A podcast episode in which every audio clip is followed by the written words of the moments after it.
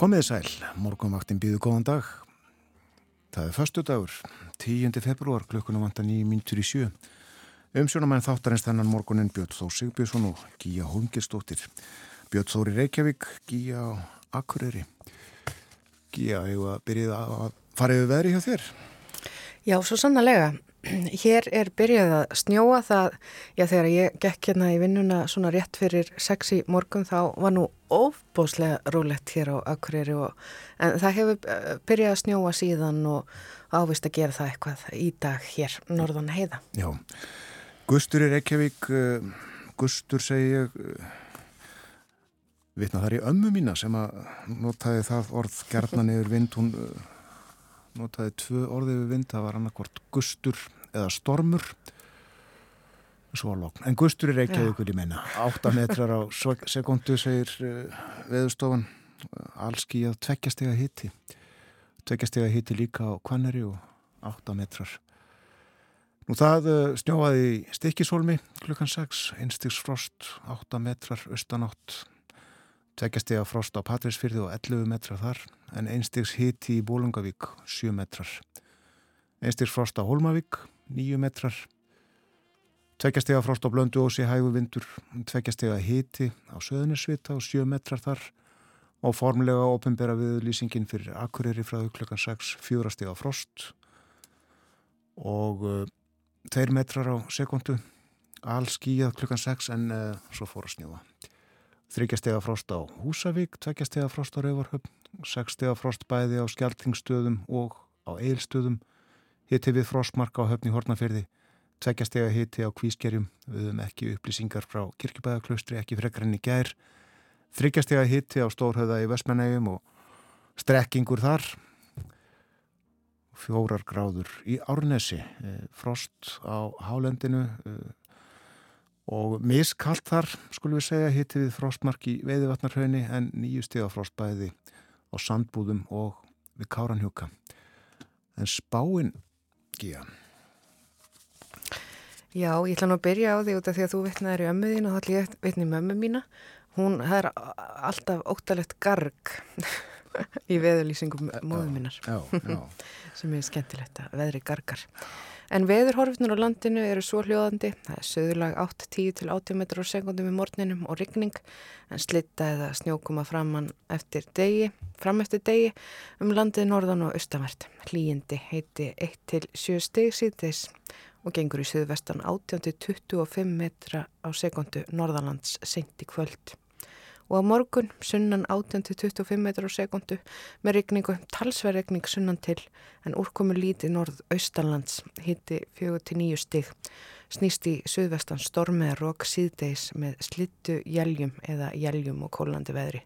Þetta er sem sagt spáum fyrir morgundaginn og það verður að geta þess að það er einmitt gul viðvörun sem hefst í, um, í eh, kvöld og, og, og er fram á morgundaginn og það næri yfir svona þetta norðan, já, hálendið og norðaustanvert og norðvastanvert landið. Já, já eh, mun hlína sömstaðar einhverjum á söðu vesturhorninu og regna og því fylgir hláka og eh, snjórumun bráðna hratt og auðveldlega og við að gerðin bendir á að víðaskvari þéttbili söðvestan til má gera ráð fyrir talsverðum vass elg í morgunum fyrðinni beðu komennum að fara varlega svo þið skvetti nú ekki uh, vatninu upp á gangandi vegfærendur í aðra bíla. En uh, meiraðan um veður og uh, færða á eftir. Það er ímislegt á dagskraf hjá okkur. Förum ítalega yfir það eftir réttirnar klukkan 7 en nefnum þó að Anna-Sýriður Ólafstótti verður með okkur eftir fréttaði við litið hálf átta klukkan hálf nýju ætlum við svo að eh, fjalla um skemmtilegt uppáttæki á Dalvik. Þar horfir fólk ekki á sjónvarp á 50 og svo ætlum við að fjalla svolítið um Jón Trösta rítöfund. En uh, í gær bárust okkur fréttir af því að uh, Bört Bakkara tónskáld hefði látist á miðugudag. Við skulum hlusta á lag eftir Bört Bakkara.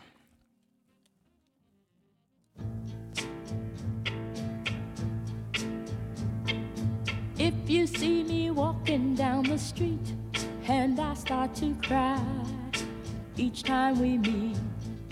Walk on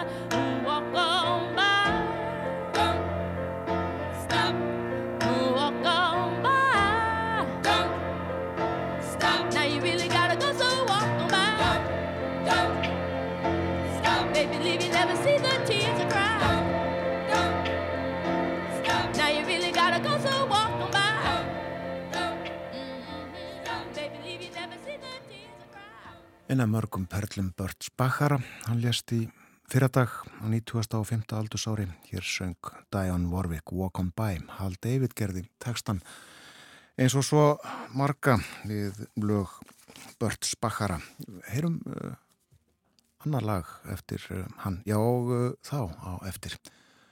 En það líður af fréttunum hjá okkur, kom eftir eina og hálfa mínútu. Við fáum okkur aðeins meira kaffi í bollana og fórum svo yfir dagskrá þáttarins að fréttum loknum. Lítum í blöð líka, bæði gömur og ný.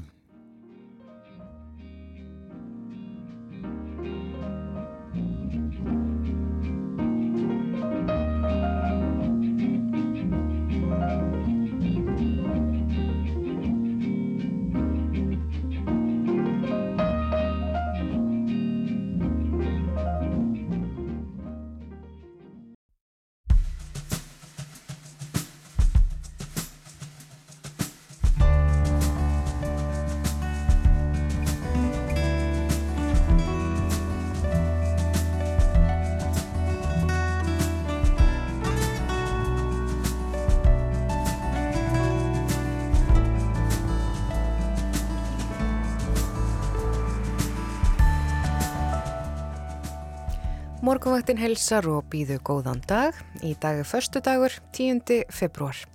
Umsjónamenn þáttarins í dag eru Björn Þór Sigbjörnsson og Gíja Holmgistóttir. Við förum yfir dagskrána, hún er svona í grófum dráttum, ráðlaður dagskamtur af kaffi, hver allir hans sé? Skáldið Jón Trösti og sjónvarslausir 50 dagar. Já, það er þetta með kaffið, ráðlaðu dagskamtur af kaffi. Þetta er vinsaldri ykkur og sömur geta hreinlega ekki án uh, þess verið. En hvað er ráðlegt að drekka mikið kaffi? Hver marga botla á dag? Við spyrjum önnu Sigrið Ólafsdóttur meðal annars að því. Hún verður með okkur upp á klukkan halv átta í dagskráliðinum ráðlagður dagskamtur. Og við ræðum líkum föstur og ímislegt fleira. 12. februar 1873 fættist drengurinn okkur norður á Melrakkasléttu. Hann fekk nafnið Guðmundur og var Magnússon en tók ungur upp nafnið Jón Trösti. Þekkt eru hvæði hans og sögur. Jóni Trausta, æfi og verkum verða gerð skil á sérstöku hátíðar málþingi í yðn og á sunnudag og við fjöllum um hann á morgunvaktinni í dag. Guðrún Nordal, profesor, verður hjá okkur eftir morgunfréttir. Og að lokum fjöllum við um sjónvarslösa fymtudaga. Það muna eflist margir eftir slíkum veruleika.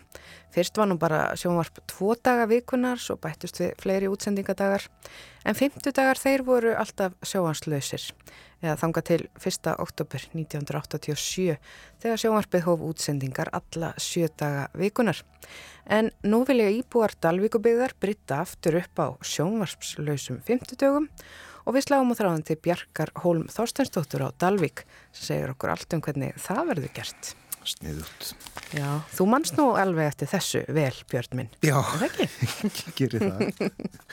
það er þú ekki, eða hvað? Ekki alveg, nei. Nei.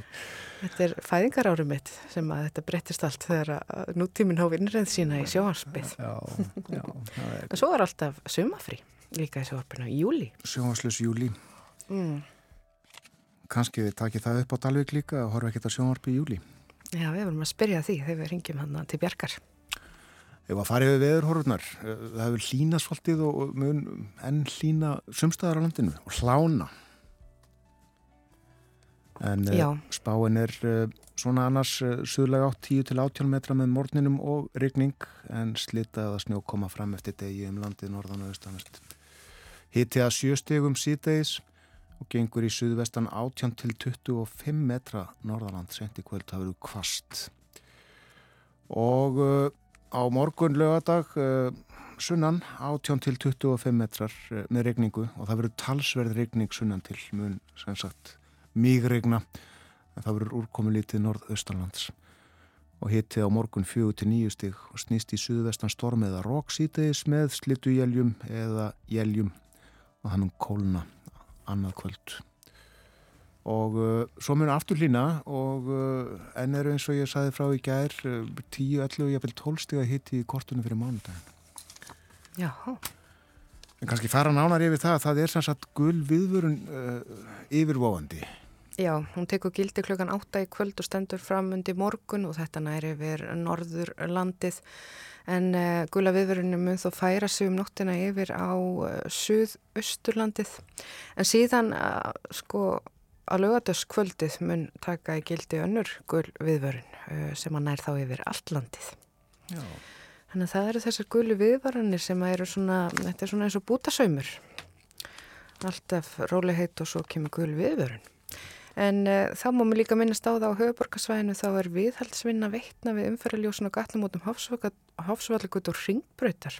Þau umferðarljósin verða rámakslaus á milli klukka 9 og 12 í dag, förstu daginn, 20. februar og vegfarandur eru beðnir um að aka með gát um þetta svæði. En annars eh, svona uh, skeitin frá vegagerðinni eru svo hljóðandi Á Suðvesturlandi er hálka og hálkubletti nokkuð víða, snjóþekjar á Hellisheiði og Móselsheiði en þæfingur í Þrengslum og á Kjósaskarði, ófært er á Krísuvíkuveiði og á Hellisheiði hefur vegurinn í kömbunum orðið fyrir skemdum og vegfærendur eru beðnir um að aka þar varlega um. Á Vesturlandi er snjóþekja, krapi eða þæfingur á flestum lauðum, eitthvað er um hálku og hálkubletti. Á vestfjörðum er hálka og snjóþekja víða. Þungvart er á Háldan og Kleifarheiði en þæfingur á Mikladal og Stengriðsfjörðarheiði. Það er ófært um Dynjandisheiði. Á Norðurlandi er snjóþekja hálka eða hálkublettir á flestum leiðum. Það er þæfingur í Víkurskarði. Á Norðausturlandi er snjóþekja hálka eða hálkublettir á flestum leiðum og á Austurlandi það er það sama. Hálka og hálkublettir víða og snjóþekja á Berufjörði og eins og svo ofta áður þá hafa reyndir sérst víða við vegi og borið hefur á vetrarblæðingum og borgarfjörðavegi millir Eiða og Laufas og vekkfarandir þar eru beðnir um að aka um með gát. Á Suðausturlandi krapið að snjóþögja á flestum leiðum og sömuleiðis á Suðurlandi. En þú ert eitthvað að klukka í blöðin, heyri ég? Já, tökum fyrst fram fréttablaðið og við byrjum á að segja frá fórsýðuminn þess í dag. Hún var tekin frá gróttu á Seltjarninesi og á henni er brimbrettakappi. Frekar leðilegt viður í gær en uh, það er misjamt uh, hvað okkur finnst um veðrið og uh, hvernig við notum það og brimbrettakappar fóru sem sagt með bretti sín út í sjóin úti fyrir gróttu í gær og leku sér í öldunum. Þetta er flott mynd sem að Anton Brink tók í gær. Nú meira réttablasins uh, fyrir fánum dögum var sagt frá lifum sem að fólk er ferðið að taka offitu. Og í framhaldinu var rætt við Vilborgu Kolbrúnu Vilmundadóttur, hún er stjórnarkonna í samtökum sem að heita samtökum líkamsvirðingu. Og hún sagði vísindalög rög ekki styðja greiningu á offitu sem sjúkdómi. Og uh, hún saði nótkunn þessara livja sem ára nefnt til sögunar í upphaldari frétt fréttablaðsins ekki heldur stuttast líkum raukum. Og hvað gerir fréttablaðið í dag? Jú, uh, ber máluðandi Kára Stefansson og uh, hann segir stjórnarkonu í samtökum um lítkamsvirðingu, uh, Vilborgu Kolbrúnu Sömsi, út í mýri í umræðinu um meðrunalif. Það er algjör fyrra að halda því fram að ef einhver segir við þig að heilsuðinni stæði í hætta af offituðinni sé þar með verið að sína þeir litla virðingu og hann heldur áfram að tala um uh, þessi mál og uh, segir að uh, þessi lif uh, þau létti fólk á margtakanhátt uh, lífið og línulegt samband, eða ekki lífið, létti fólk afsakið, létti fólk og uh, línulegt samband sem millir þingdartapsins og mingunar á hættunni af öllum þessum sjúkdómum sem að hann hafði áður talið upp í samtali við réttablaðið og fjallaði um þetta ítalega sem sagt í blaðinu í dag. En á morgunblæðinu er uh, fimmdálka mynd og fimmdálka fréttum uh, þessa kærasanninga sem að undir þeir voru í karpúsinu í ger og það áttu í hlut uh, samtök sjómana og útgerðamenn og þetta eru sjómannasambandið, félag velstjóra og málmtaknimanna og félag skipstjórnamanna og svo samtök fyrirtækja í sjáróti. Og það var sami til tíu ára og uh, ég held að eldstu menn mun ekki eftir því að svo langir kjæra samningar hafi verið gerðir. Og uh, það var eiginlega komin tími til, uh, síðustu samningar uh, runnu út fyrir þremur árum, 2019 og uh, nefnd hér nokkur uh, uh, atriði, eða voru nefnd nokkur atriði varandi þennan samning og eru á fréttabæfu okkar úr.is og við heyrðum nokkur þeirra í fréttonum áðan í viðtali við Valmund Valmundarsson, formann sjómannarsambandsins. En uh, mynd, fórsýði mynd Morgonbladsins er sagt tekin í karpúsinu í gerð og uh, þarna eru 1, 2, 3, 4, 5, 6, 7, 8, 9, 10 kallar og uh, ein kona, Heidrún Lind Martinsdóttir, Frankatastjóri, samtaka fyrirtækja í Sjárótvi. Og meira um máltengt verkaðísmálum en fórsvarsmenn eblingar og ríkisáttasemjara skrifuð undir samkómula í gær þess efnis að aðfara beðinni ríkisáttasemjara til að sækja kjörskrá eblingar er þið frestað fram að niðurstöðu landsréttar um úrskurðin sem hveður á um heimildina til aðfarar. Og eblinga ætlar að aðfenda aðfenda uh, félagatalið kjörskrána uh, ef uh, félaginu er gert að gera það með dómi í landsrétti. Og Síslumæðurinn var viðstattur síslumæðurinn á höfuborgarsæðinu og samkomlaði fært í gerðabokk. Lítum í uh, guðamul blöð hér á eftir en uh, förum fyrst út í heimgíja. Já, auðu erlendu pressunar uh, beinast enna þessum hörmulegu aflegungu jarðskjáltana í Tyrklandi og Sýrlandi og það er nú svona Já, þessi von að finna fólk á lífi í rústónum fara auðvitað sífælt minkandi, járskjaldin var á mánu daginn og það eru liðnir þetta margi dagar síðan núna og það er kallt á þessum slóðum og margi sem að miðla sem að taka það fram og ég heyrði mitt í, í hlaðvarpi sem ég hlustaði á hérna á leiðinu í vinnuna í morgun að, að það sést til, uh, í, í, það er snjóri í fjöllum og, og uh, og margir sem hafast við í bílum sínum og þetta á götunni og tala látina hækkar stöðugt og er komin yfir 21.000 og áherslan á já, björgunastörf þau færast núna í meira mæli yfir að frá því að finna fólk í rústum yfir að tryggja aðgengi að hreinu vatni, mat og skjóli og tryggja sjúkdóma fara ekki að breyðast út. Og það kemur einmitt fram hérna á BBC að Í Sýrlandi þá var nú kórel, kó, kóleru faraldur uh, vandamál og það er óttast að, að það muni enn verstna í þessu ástandi. En uh, það voru þetta margir, já, tóku andkvöð þegar sáu þetta litla barn, nýfætta barn sem að fættist þarna undir ústónum og var bjarga, þessi litla stúlka. Hún hefði fengið nafn, hún hef, heitir núna Æja, sem þýði kraftaverk og það eru fjölmarkir sem hafa sendt Uh, já, bóð um það að þeir eru tilbúin til að ætliða þessa stúlku. En hún er núna í umsjá fjarskildra ættinga sinna manns uh, sem tengist henni og, og svo konu hans. Og þau hefur mött fjögra mánuða gammalt barn sjálf og hún gefur þessu litla barni æju brjóst ásamt sínu eigin.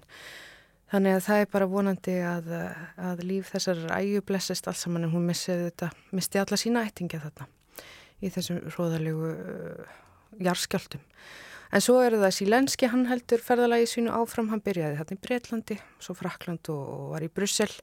Hann segist ekki geta snúið heim aftur til Úkræna þess að þetta ferðalag skil nú einhverjum árangri og það eru þessar herrflugverlar sem að hann hefur beðið mjög ítrykkað um að fá til Úkræna á næstu vikum og eins og kom fram í fréttum hér áðan eins og í tali Emmanuel Macrons fórsetta Fraklands þá þykir nú ekki líklegt að það gerist á næstunni og um, já, það þykir geta kynnt en meira undir spennuna á milli Rúslands og NATO-ríkina og aðeins að við færum okkur í miðla Vestanhafs þá er fjallað aðeins um þessa stóru loftbelgi og hvaða áhrif þetta geti haft á viðkvæmt samband bandaríkjana á Kína.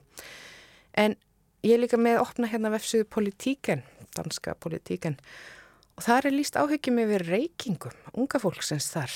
Það er nefnilega einna hverjum fjórum í aldurshopnum millir 15-29 ára sem að reykir daglega og þetta er ný rannsókn þar í landi sem sýnir fram á þetta og, og þetta er bara fólki við miklur áhyggjur af Já, þessu, af þessum dönusku ungmenn. Ég held að það er snardreiði úr reykingum ungmenna hér á Íslandi. Já, það held ég nefnilega, en þetta eru miklar daglega reykingar sem að, að hérna, og þetta eru svona síkarettur, þetta er svona gamle skólinn. Fyrst og nefni þetta, uh, Morgonblæði saði frá því fyrir 50 árum, 10. februar 1973, að þá var um það byrja að fara að hefjast uh, námskeið, uh, fymdaga námskeið þar sem fólki var hjálpað að hætta að reykja og sagt frá þessu, það var það vor, var Krabmensfélagið sem að stóð að, að uh, þessu og Íslenska bindindisfélagið. Námskeiðið er byggt upp eftir 5 daga áallun sem bandarískur læknir gerði fyrir um 15 árum og hafa 10-12 miljónir manns um allan heim tekið þátt í slíkum námskeiðum með þeim árangri að um 5 miljónir þeirra hafa hætt reykingum. Og uh, svo að fara aðeins yfir, því, yfir hvernig þetta virkaði allt saman. Námskeiðið byggist upp á hóplækningum erindum og kvikmyndum. Og hver þáttakandi fær rétt með daglegum leiðbyningum sem ger honum kleift að fylgja fimm daga áallunni við vinnu. Og það er fjallaðum ímsa þætti þess að hætta að reykja var á þessu námskeiði meðal annars um hérna sálfræðilegu og líkamlegu þætti venjunar, hvernig draga megi úr lönguninni, hvernig styrkja megi viljaþrekið, líkanlega áhrif reykinga og skipulag félagskerfis? Og við kera fleiri leiðum sem eru til þess fallnar að brjóta reykingavenjuna á bak aftur á fimm dögum.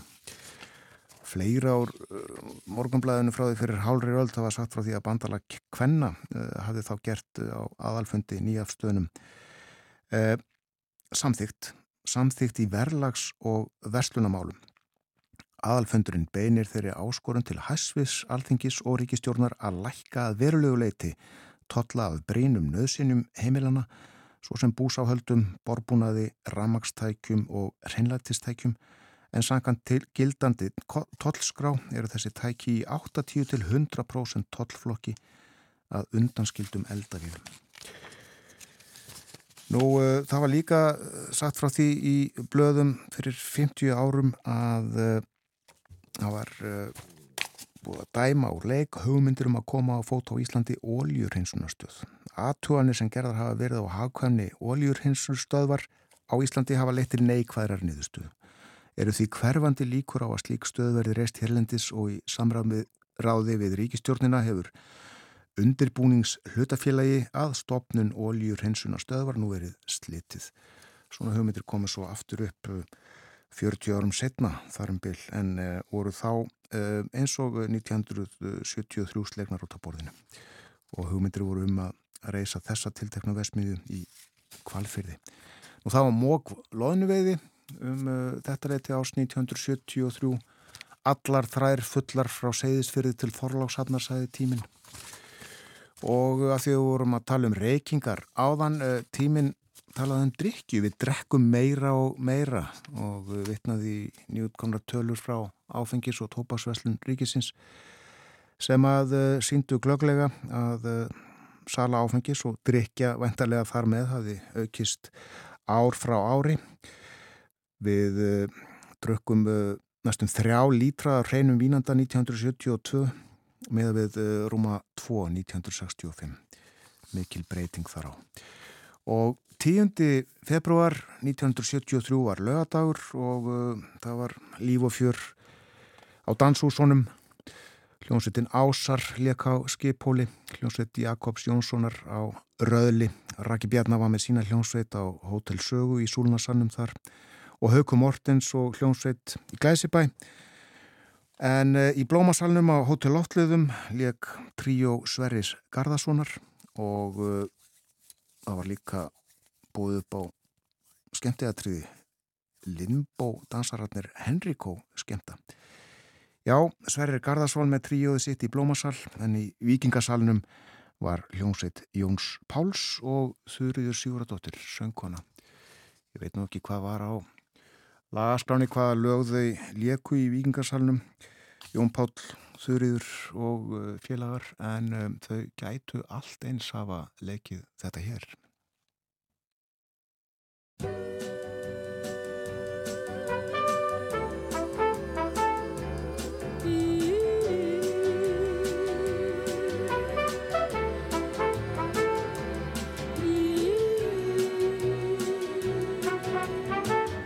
The moment I wake up, before I put on my makeup, I say a little prayer for you. Walk home in my hair now and wondering what dress to wear now. I say a little prayer for you. Forever,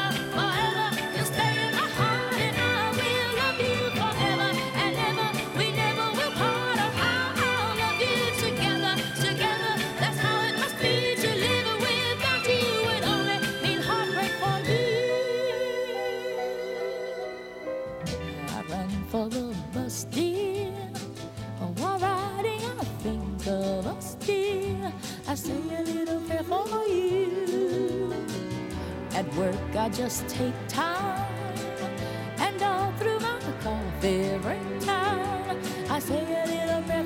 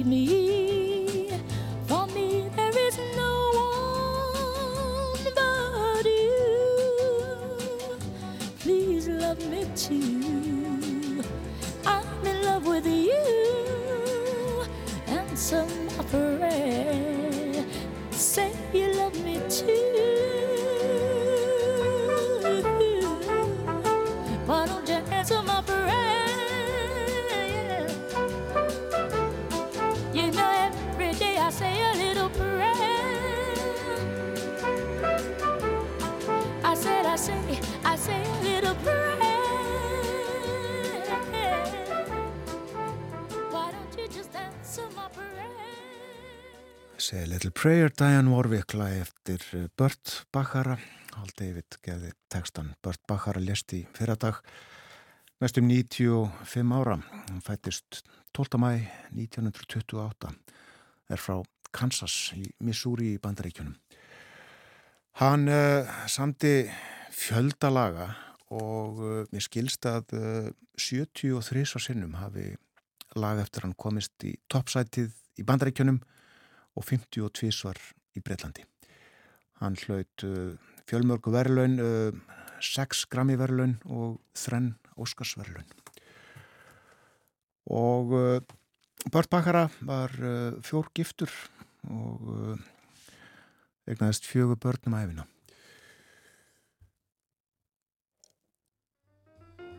Það líður að fréttaeflitinu hjá okkur kemur eftir uh, fjóra mínútur þarum byll Nóngar að geta þess að uh, á morgun lögadag, já þá er 11. februar og uh, hann lítur út á blaði 112 og uh, þá er dagur neyðarnúmerisins. Og það verður haldið upp á hann, neyðarlínan og samstars aðilar hennar. Efna til viðburðar í hörpu í Reykjavík til að vekja aðtikli á þessum degi. En uh, þetta er ekki bara íslensku dagur, þetta er sam-evróskur dagur neyðar númerisins og uh, viðbræðs aðlar eins og þeir eru kallaðir munu kynna starfsemi sína í hörpu á morgun. Við ætlum eins vegar að uh, fjalla um ráðlaðan dag, dagskamt hér á eftir. Anna Sigriður Ólafsdóttir næringarfræðingur professor í næringarfræði við háskólan verði með okkur eftir stuttastund Við ætlum að tala um kaffi meðal annars, uh, við ætlum líka að tala svolítið um föstur og uh, síðkvað fleira.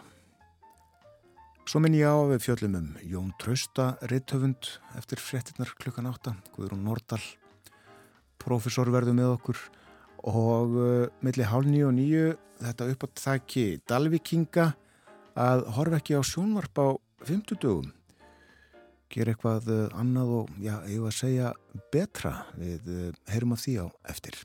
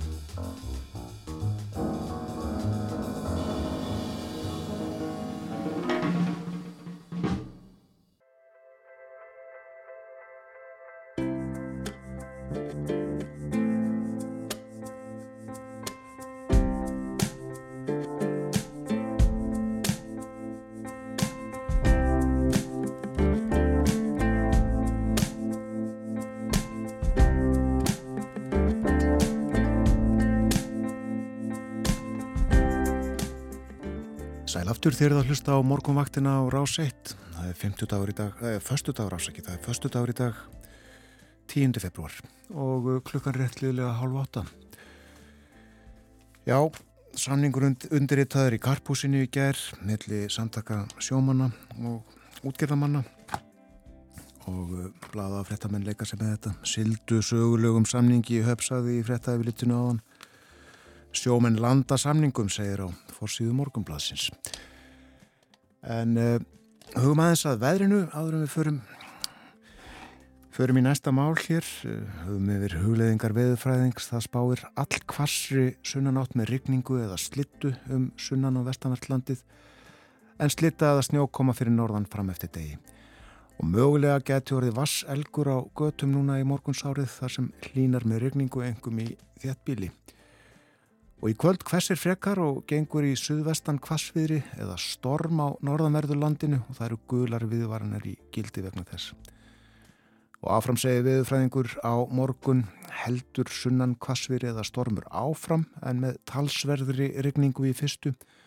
Og þegar líður á daginn, morgundaginn sem sé þá kólnar og bætir í vindin en eftir hátegi stefnir í suðvestan storm eða rók með slittu jæljum eða jæljum og eru einni guðlari viðvarinir í gildi vegna þess fólk hvað til að fylgjast með þróun viðspáa fyrir helgina þar sem áframhaldandi lægða gangur ætlar lítið að gefa eftir.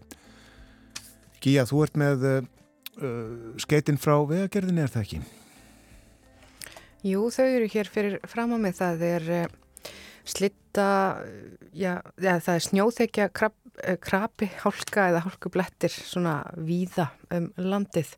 Þetta bara fara varlega og verðt að geta þess að það er viðhaldsvinna við umferðarljósin á gatnamótum Hofsvallagötu og Ringbrautar eh, í höfuborginni í dag og ljósin verða rafmakslaus á milli klukka 9 og 12 eh, og veðfagarandur eru beðnir um að aka þar með gát.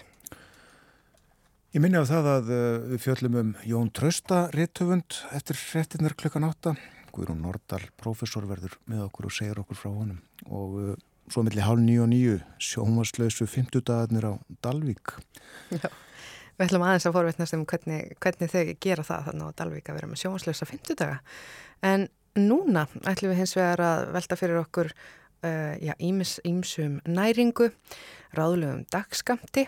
Það er komið að uh, vikulegu spjalli okkar við hana Önnu Sigrið Ólastóttur, næringafræðing og professor í næringafræði við Háskóla Íslands. Vertu velkomin, Anna Sigriður. Takk fyrir.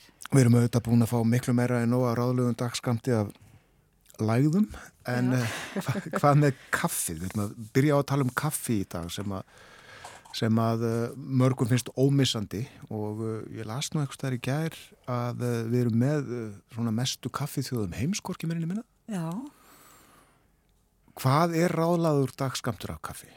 þetta, er, þetta er erfið spurning en þarna sko við erum að tala um að á Íslandi ef við hortum til nýjustu landskonnunar árið 2019-2021 að þá erum við að drekka fullornir er að drekka meðaltali kringum 3 desilítra dag sem er bara eitt svona góður bolli eða tveir svona hefðbundni bollar og það er svona kannski má bara segja nokkuð hófstilt ef við hugsaum um svona hérna áður fyrir þegar fólk gekk upp á hellingar könnuna og var kannski bara hjælt sig gangand allan daginn á kaffi þá hefur kaffidrykja breyst eh, en það má líka segja sko að kaffi er orðið miklu fjölbreyttari vara. Þetta er búið að sjaldan svart og sökulust. Þetta er í dag einhvern veginn degurbolli þannig að við gefum okkur meira að hverjum bolla og það er náttúrulega gríðarlega uh, breytilegt í raun og veru annars og hvernig er held upp á. Það er að segja munur á filterkaffi og, og svo því sem veri gegnum espressovél og hvort þú ert með einfaldan að tvöfaldan. Og svo bætist við sko að þetta er ekki bara sigur og mjölk, heldur getur verið mismunandi mjölk, mismunandi sæta. Uh, sumi drikkir eru í raun og veru bara ef þið eru komið svona stórst mál utan úr á kaffihúsi þá er þetta kannski orði heil máltíð Þannig að, að, að þetta er svolítið flókið og gerir sko vísindin í kringum kaffið en þá flóknara. Já, e, e, en það er mjög áhugavert að sjá sko að, að því að nú er svo mikið talað um orkudrykkina og við kannski tökum þá fyrir einhver aðra viku að því að þeir eru svona drikkur unga fólksins og þeir hafa tekið þetta svolítið við, við heldum kannski þeir hefðu tekið mikið við hjá bara fólki sem undir ferdugu En í landskonun á mataræði þá er sko 18-39 ára hópurinn að þá samt líka þar, þá eru tveir þriðji hlutar koffeinsins að koma úr kaffi og kaffidrykkjum. Uh, en, en, en það eru fáir í raun og verið að fara yfir einhver hættumörk. Það er verið að tala um sko að fyrir fullortna þá er þetta millir 3 og 400 milligram á dag sem eru svona þessi örugu efri mörk á koffeininu og það er kannski það sem er helst takmarkandi þátturinn fyrir því hvenar kaffi hættir að vera holdt. Það er að segja of mikið koffein, koffein er náttúrulega ávinnabindandi og örfandi.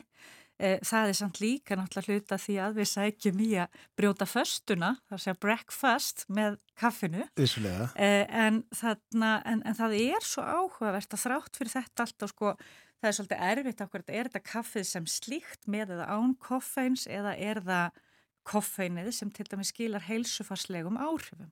En hotlefnin í bauninni verðast sko þetta er mjög veiga mikill þáttur ef við hugsaum um græmita og þessu ávastanusli þar að segja kaffi baunin að hotlustu hotlefnin þar, þessi plöntu hotlefni, þau verðast hafa mjög góð áhrif úr kaffinu. Þau sem sagt skila sér úr bauninni í bollan? Úr bauninni í bollan, þannig að, þarna, þannig að það hafa sömu vilja að tala um að þetta sé svona functional food, það er að segja að þetta mm. hafi ákveðna virkni umfram bara uh, það að gera þér hressan þegar þú Já. vaknar. Þannig að það er ekkit sko, já, það þarf ekki að taka af okkur kaffibóllan en auðvitað þetta, þetta að kunna að njóta, að þetta sé þessi einn, tveir, kannski þrýr góðu bollar á dag og það er svona það sem fyrir rannsóknir hafa sínt að það er kannski sko við erum að tala um góð áhrif af fyrstu tveimu, þrejami bollunum. Svo ef við erum sko hérna þessi svona örugum mörk liggja í fimm bollar og yfir þá erum við komin yfir í svolítið mikið koffein og kannski líka sko þá fer það að stela frá öllu öðru.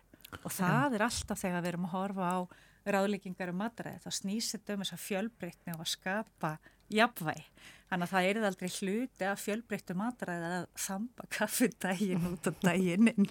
Og það Já. má líka okkur velta fyrir sig hvernig drikkur það er En enga síður góðar fréttir að fá nú örlittlega næringu, eh, svona mikilvæg næringarefni úr, úr þessari kaffiböin.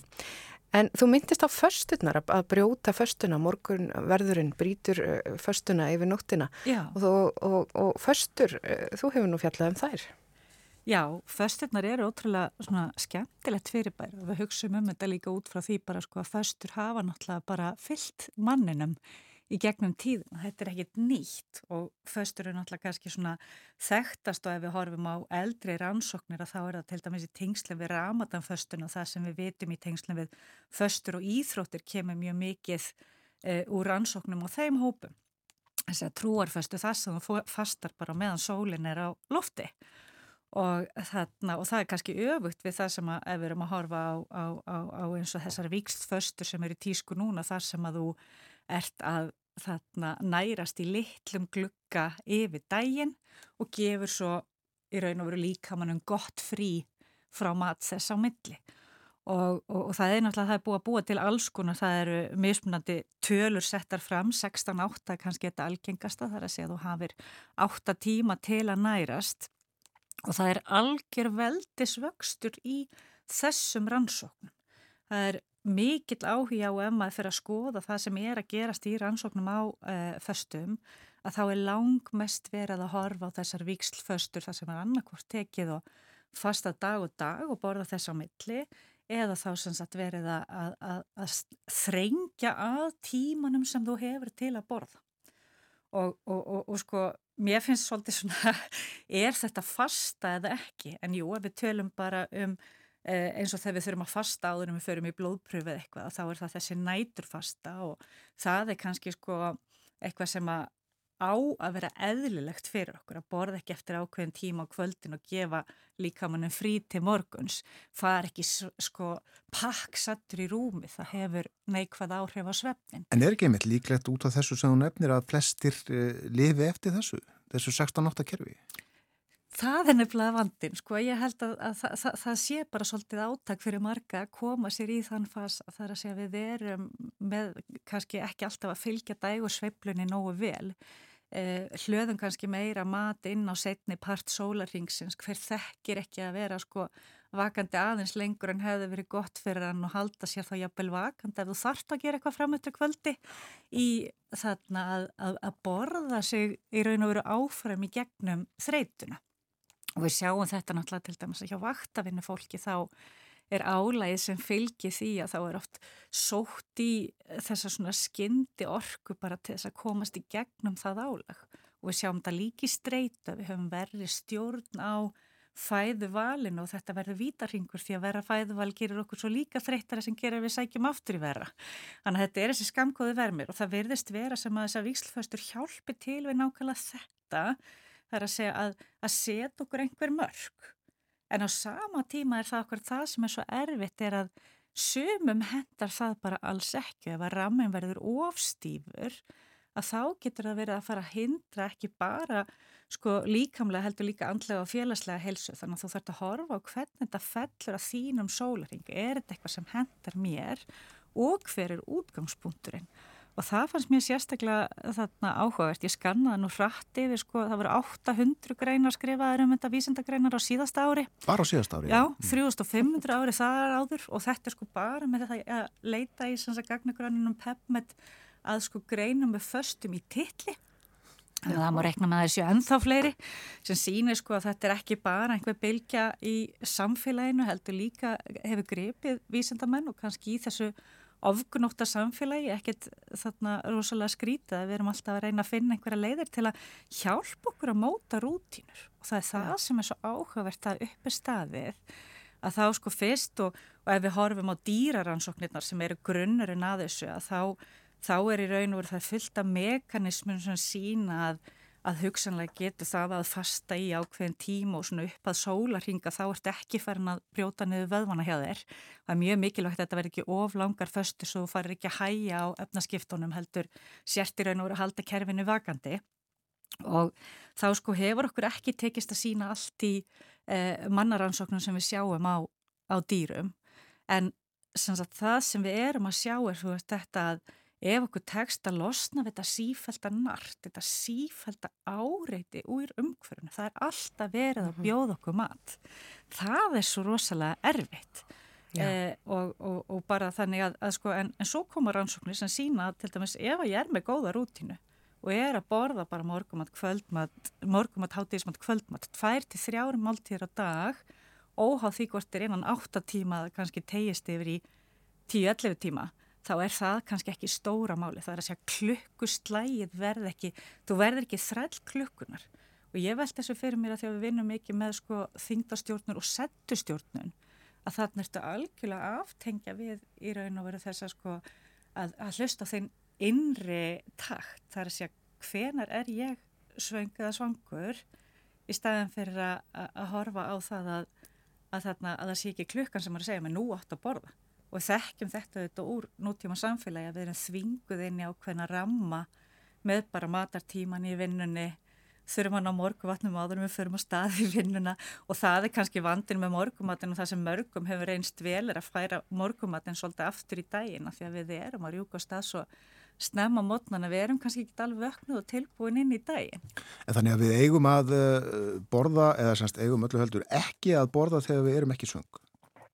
Það þarf allavega að finna þessu einhver takt en auðvitað höfum við sko mis, við erum oft búin að tapa þessu svona settustjórnunar tilfinningu þar að segja vita og átt okkur við þekkjum ekki munn og þorsta og svengt við þekkjum ekki munn og lungun og raunverulegri líkamlegri svengt og þetta er bara heilt efni í, í annan þátt en þarna það sem við höfum kannski áhyggjur af það er að þegar það koma svona tískuströymar að þá er akkurat útgangspunkturinn, er, er, þetta því að þið langar til að vera grannur eða er þetta eitthvað annað, er þetta fyrir veljiðan, er þetta fyrir, og, og, og það sem að ég var dottinn inn í áðan og datt aftur út úr maður gleymi sér stundum að þetta er svo, þetta er, þetta er svo ótrúlega umfóðsmikið og, og spennandi efni, en það er að við sjáum til dæmis tengsl við sko raskaða hegðun í kringum mat, svona átröskunar hegðun og, og kannski óheilbrygt samband við mat, frekar hjá þeim sem nota föstur gaggjert til þess að megra sig heldur en til dæmis í kringum ramadanfösturnar. Það er að segja útgangspunkturinn verist hafa áhrif á það hvernig sambandið við matin er og þá veit ég þetta ekki sko orsök afleðinga það vantar yfirleitt þarna inn í rannsóknar. Það er að erum við kannski með uh, öðruvísi líkams ímynd og meðvera samband við mat þegar við veljum þessa leið uh, út frá því að við séum alltaf að horfa á holdafarið og það er það sem að sko það að, að, að það sé bara frekar einhvers konar bónus að þetta hafi áhrif á holdafarið frekar en að það sé alltaf fókusin og það er kannski svona fyrir mér að þá er það það sem ég finnst erfiðast við þetta er að þetta er svona að þetta verð ekki enn eitt kúrin, enn einn leiðin til þess að það sé alltaf og þetta sé ekki janúar átaka fasta heldur þetta þarf að vera þá ef þú kýst þessa leið þá er það í raun og veru þarf að vera svolítið hluta af lístil því að um leið og þú breytir munstri þá yfirleitt ferði í gamra farð og þarf að velja þér eitthvað sem henda er að í raun og veru sé þinn lífstaktur. Þú nefndir aðan allan hennan fjöldar ansókna, þetta er uh, æfa formt fyrirbæri. Hvers vegna er þessi mikli áhuga á föstum í dag? Ég held að það sé okkur þetta annars vegar sko sá Ari Grúi hérna rannsakna á músum sem sýnir bara í raun og veru að þetta litla sko, þú ert með svona pínu lítið í raun og veru álag, svona streitu álag sem að það er svo áhugavert fyrirbæri streita, mikil streita skemmir fyrir okkur á meðan svona örlítil streita á kerfið erum oft örfaða og það sama gerist í raun og veru þegar við reyfum okkur, þannig að reyfing geti verið annars konar eða jafnvel samverkandi þáttur með þöstunni til þess að bara örfa efnaskiptin að þá sko getur þetta í raun og veru dreyið úr oksunarálægi og bólgum og haft þarna jákvæð áhrif á í raun og veru bara efnaskipta kerfin hjá okkur. Og það er mjög afgerandi í músum en það sem kemur sterkast út í rannsóknum er í raun og veru svo tenging að þessar breytingar eru af því að við erum kannski að bæta mataræðið, e, fækka kaloríum og þarna erum aðeins að léttast sem að sem er að skila sér líka. Þannig að, að þessi mekanismar koma ekki jafn stert fram í e, rannsóknum og fólki og ekki svona, það sem okkur vantar en þá er líka langtíma lausnir þar að segja getum við haldið þetta út? Er þetta taktur sem við getum sem sagt lifað við? Þannig að það er mm -hmm. það sem við þurfum að horfa á. Og því tengt vil ég segja til dæmis að ef að klukkinn er á snemma í sólaringnum og því að það er mikill áhig líka á svo, svo kallega krónunutrition sem er semst næring í takt við lífsklukkuna, það að við notum dægursveibluna, út frá því er alltaf betra að borða fyrir hluta sólarhings heldur en setni hlutan, eh, eh, að þá, þá sko er alltaf hægt á að ef við missum að kvöldmatnum til dæmis, hann er svona eina af aðal máltíðanum í kringum það að við fáum góða prótengjafa, það er hátegismaturinn og kvöldmaturinn vega svo þungt í að, að, að tryggja prótenþörfina hjá okkur að þá sérstaklega fyrir hópa sem eru að æfa mjög mikið eiga kannski á hægt að vera alltaf að fá aðeins og litla næringu eh, eldri aldurshópar að þá, þá, þá getur verið skamgóð vermir að sagt, missa af mikilvægum næringarefnum, missa prótinu eh, af því að maður sé að skerða hennar ram og mikið. Og það er svona það sem við höfum kannski svolítið áhyggjur af og það er þessi hópur sem að kannski sko ætla sér um of og er ofstrangur við sjálfan sig þannig að meðan mhm. sumir upplifa sko að það sé að besta sem hafi gerst og árvökull en nokkuð tíman og sigur tilfinningin að, yfir að ná líka sko einhvers konar tökum á að umhverfið sé nú ekki að taka af mér all völdin sem er svolítið því miður staðrindin að þá verða aðrir bara í raun og veru rosalega perraðir hætta á ofáti eftir að þú sleppir máltið það er að segja sömur eru bara sérstaklega oft ef að innri klukkan er þannig að, að við erum vöna að geta stilt okkur af í magni þá getur það verið að halda aftur að sér kalli á að, að, að næstu og færða að borða þá bara sértu óstöðvandi. Já, já. Þannig að það er þessi einstaklingsmiðun sem skiptir svo miklu máli. Já, og þú hefur nú aðeins eh, minnst á bara allt þetta áreiti sem er í kringum okkur, maður fer í búðina og, og, og það sem er svona fremst í hillunum er, og við kassan er svona það sem að grýpur sigurlöngunin og það er mér að segja páskaegg farin að sjást í hillunum. Eh, þannig að eh, þetta getur verið flókið. Þetta er ótrúlega flókið og þarna sko talandu um páskaækinn þá hérna er eitt orð sem ég hef ekki tekist að þýða vel. Ég hef kallað þetta svona hérna suð, ég man nú ekki einu svona hvernig ég enda þetta, en það er pester power, suðkraftur. Eh, það börnin eru með okkur í búðinni og þetta áreiti er þegar það er sælgeti við búðakassan sem að hefur sem betur fyrir breyst mjög víða og margar búðir tekið það til sín.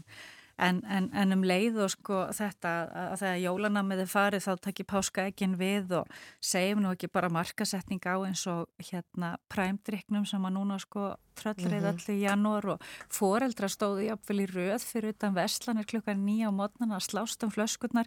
Þetta er ásæðilega skrítin stemning sem myndast stundum og og þá veltum að fyrir sér þessu svona sko siðferðislegum skildum okkar sem markaðs samfélags og markaðs aflana í því að verja börnin okkar gegn þessu áriði því að við sjáum eh, ég var til dæmis að skoða stóra svona yfirlitsgrein þar sem að við sjáum að jafnver þar sem að eh, efnahagur er mjög slæmur að þá er þrýstingur barna á foreldra að matur sé merkjavara Það er að segja að þú ert ekki bara að tryggja að fá næringarefni eða verða sattur, heldur að barnið vil vera með í þessum tísku ströymum og þá kannski fyrir að skera við nöggl annar staðra því að það er erfitt að takast á við að hafa eitthvað af barninu sem er svona félagslega, því að, að, maturinn allt ínum fann að hafa áhrif á félagslega stöð. Einmitt. Þannig að gleymu... þetta er ótrúlega, sko, þetta getur verið svo varhugvært. Já, lífið er flókið en gleymið því ekki að framlegsla og sala á mat og drikki eru auðvitað viðskipti. Já og það er í raun og verið sko að, að, að, að það sem við sjáum þegar við erum að reyna að búa til er einhvers konar stefnumarkandi aðgerðir í tengslum við næringu og helsu að þá er náttúrulega kerfin eru öll til að styðja við hagvöxt en ekki heilsu og þar er bara, það er líka efni annan þátt að það er, þetta er, er, er brotætt jafnvægi sem að þarf að reyna að vinna saman að. Já, eitthvað talaðast næst um þessa orkudrykki sem eru svo algengir. Jú, eigum ekki að gera það. Held það. En uh, lokum við svo aftur á kaffinu sem við uh, byrjuðum á, náði ég þið rétt, uh, einn, tveir, kannski þrýr bólar á dag, það er svona hefilegt. Já. Já. Var það ekki alveg upp í fimm? Já, það, sko, jú, en það er svona fjó- fjórir þá ert á nippinu Já. En svo getur bara svona, fengið mm. minni bolla því að þá sko þetta, það er til það sem heitir sko einingaskekkja þannig að þið líður kannski betur með fimm pínu litla heldur en þrjá stóra þá hefur það tilfinningun og það hefur fengið þína fimm. Þetta, ég ætla að taka þetta með mér inn í daginn. Glæsilegt. Kæra þakki fyrir að vera með okkur í dag á morgunvaktinni Anna Sigriður Ólafsdóttir. Takk, takk.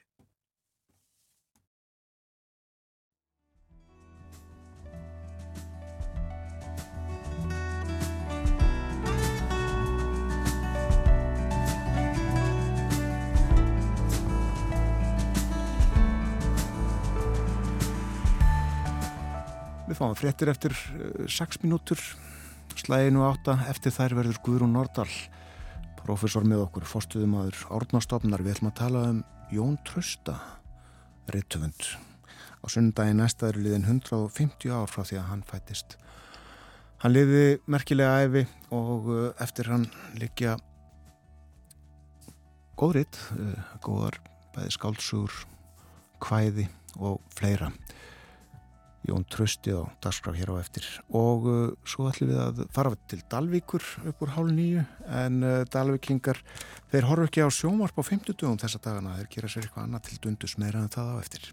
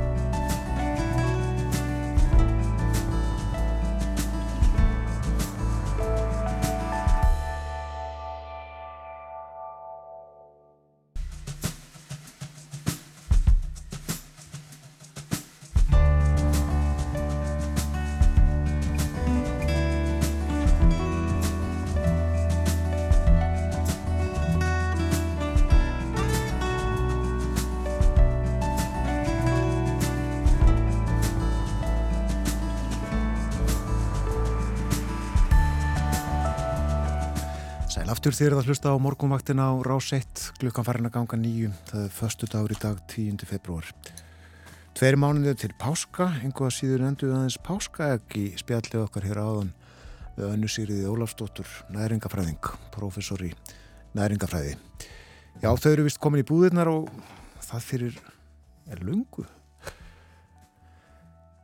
En það er ímislegt framöndan hjá okkur á morgunvaktinni þennan morgunin. Við ætlum að tala um þetta uppáttæki þeirra á Dalvík að horfi ekki á sjónvarp á 50 dögum, fara 35 ár aftur í tíman, eh, þá laug þessu 50 dags sjónvarslausa tímabili en það hefði verið í gildi þá frá því að sjónvarpi var stofnað 66.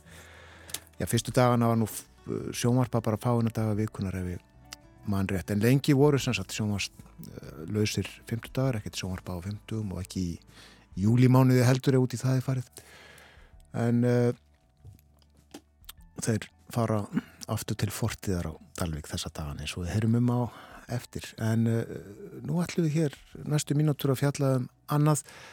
Þannig er að á sunnundag verða liðin 150 ár frá fæðingu rithöfundarins Jóns Trösta Jón Trösti fætist á Rifi á Melrakasléttu, hann var skýrður Guðmundur og var Magnússon Fóreldrar hans voru fátækir og fluttu með hann kornungan á heiðabilið Rauntanga á svo að segja miðri Öksafjörðarheiði fæðir hans lést þegar hann var fjórara og þá fór hann í fóstur. Og í tilhætni þessa verður sérstakt hátíða málþing um Jón Trausta í Yðnó á sunnudag að því standa Háskóli Íslands, Árnastofnun og Rítuhundasambandið.